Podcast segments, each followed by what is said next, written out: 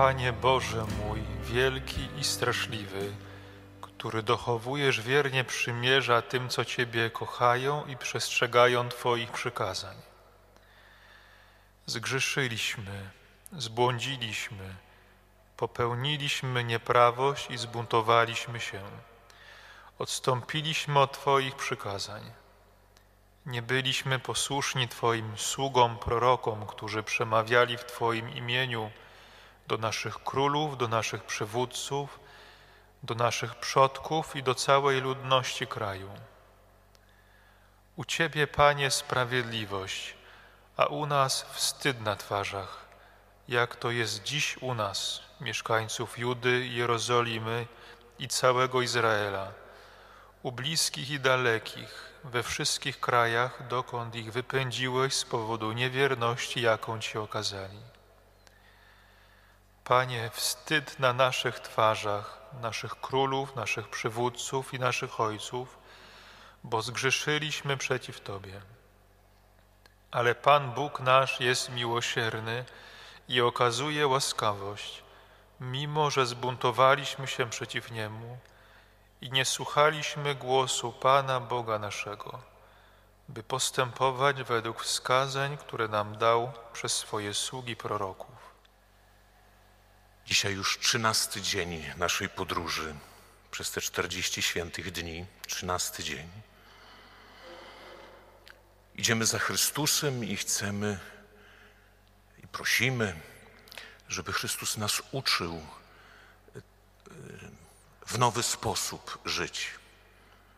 Zostawić to, co minęło, te nasze stare ścieżki, utarte schematy, żeby nauczył nas żyć w nowy sposób, żyć jak Jego uczniowie.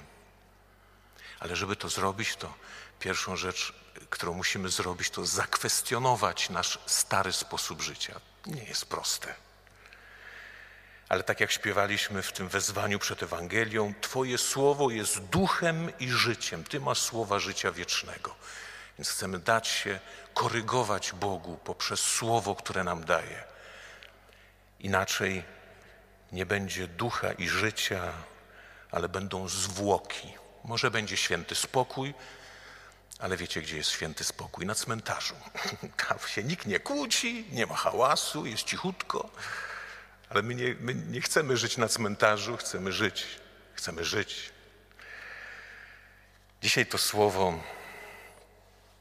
z proroka Daniela jest takim słowem, które mnie bardzo poruszyło. Nie wiem, czy, czy odważę się mówić.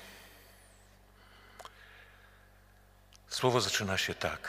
O Panie Boże mój, zgrzeszyliśmy, zbłądziliśmy, popełniliśmy nieprawość, zbuntowaliśmy się, odstąpiliśmy od Twoich przykazań. Wstyd na naszych twarzach. Wstyd na naszych twarzach. Jestem ciekaw, czy rzeczywiście wobec tej sytuacji, którą przeżywamy w kościele, wobec tego, co się dzieje, rzeczywiście jesteśmy gotowi wypowiedzieć te słowa. To jest dziewiąty rozdział Księgi Daniela. Zapraszam Was, otwórzcie dzisiaj ten dziewiąty rozdział, przeczytajcie cały ten dziewiąty rozdział.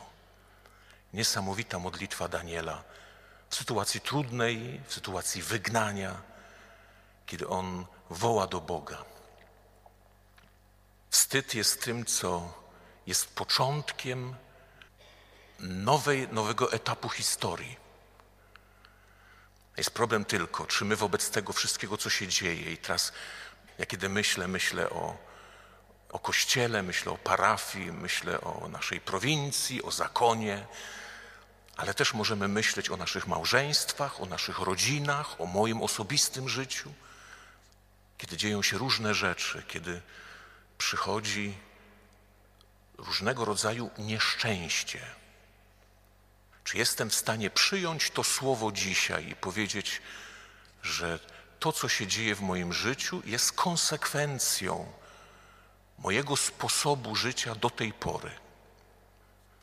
I czy rzeczywiście dzisiaj mogę, będę wołał z głębokości tego doświadczenia do, do Boga i mówi, Panie, wstyd na mojej twarzy Rzeczywiście będę mógł, tak jak Chrystus dzisiaj w Ewangelii mówi, nie sądźcie, nie potępiajcie, nie domagajcie się rekompensaty. Czy też będę próbował znaleźć jakieś procedury naprawcze, to znaczy jak, jak postępować, żeby zmniejszyć szkody, które powstały. Albo będę próbował zatrudnić jakiegoś fiksera. To jest ponoć jeden z najlepiej rozwijających się zawodów dzisiaj. Fikser to jest taki człowiek, który potrafi naprawić wszystko. Potrafi tak obrócić sytuację, kiedy ktoś traci reputację wskutek swojego złego postępowania, kiedy narobił długów, potrafi go wyciągnąć z największego bagna, stosując wszelkie możliwe sztuczki. Takie tłumaczenie fiksera to jest magik. Czy też będę próbował zatrudnić syndyka masy upadłościowej wobec sytuacji, w której jesteśmy, jakiegoś poważnego kryzysu w małżeństwie, problemów, które mamy w rodzinie, z rozpadającymi się relacjami z dziećmi, czy, czy w moim osobistym życiu, gdzie, gdzie doświadczam trudności, czy, czy tutaj. Możemy próbować szukać rozwiązań. Niektóre parafie szukają rozwiązań wobec tej sytuacji. Nie? Myślą sobie, jak zmniejszyć szkody. To znaczy, jest nas coraz mniej, to trzeba całe to przedsiębiorstwo parafialne, instytucję jakoś utrzymać. Wobec tego musimy próbować zmniejszyć te szkody. Wobec tego, co zrobimy, wynajmiemy dom duszpasterski, na przykład jakimś instytucjom pożytku publicznego, na przykład dom dziennego pobytu, i będą przypływały pieniążki, i jesteśmy zabezpieczeni. Ludzi będzie ubywać, ale my jesteśmy zabezpieczeni. Na tym polega problem.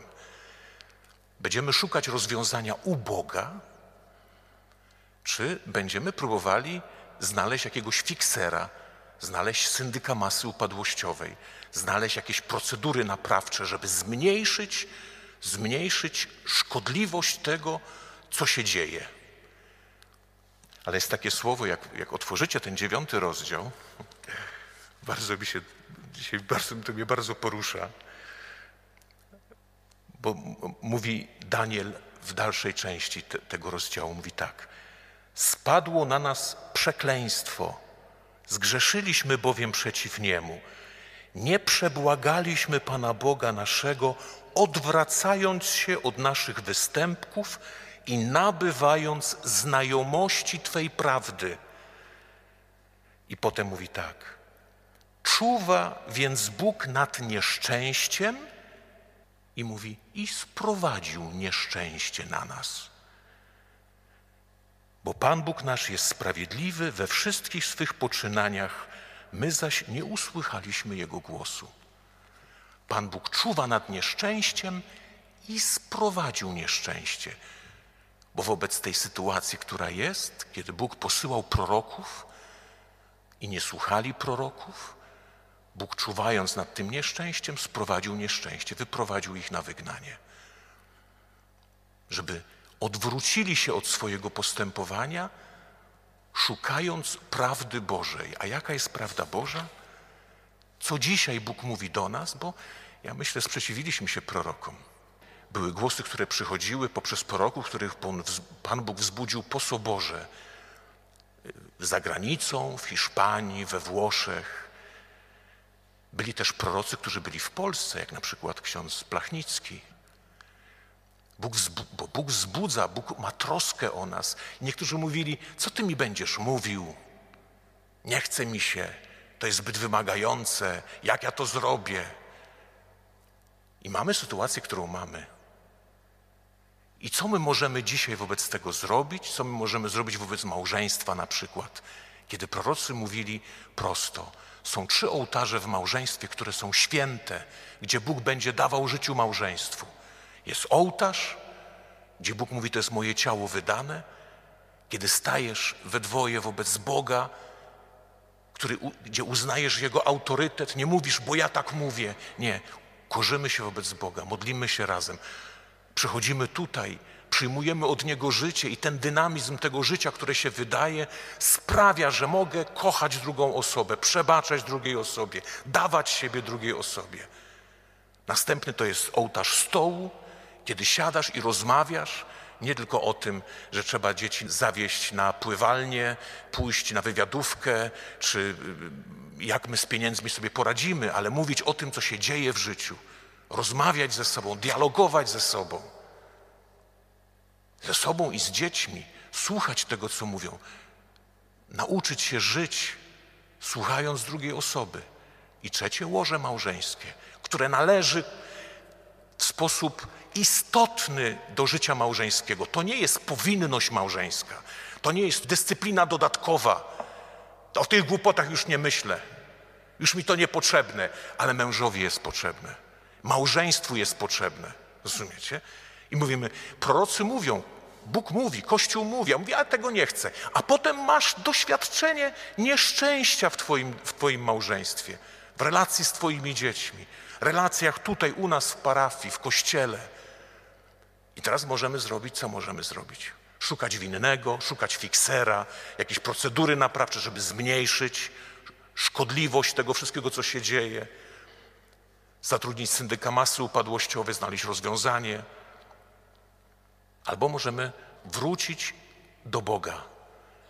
Mówi, poznać Jego prawda. Jest Jego prawda? Prawda jest bardzo prosta, to co mówi dzisiaj Chrystus. Dawajcie, a będzie wam dane.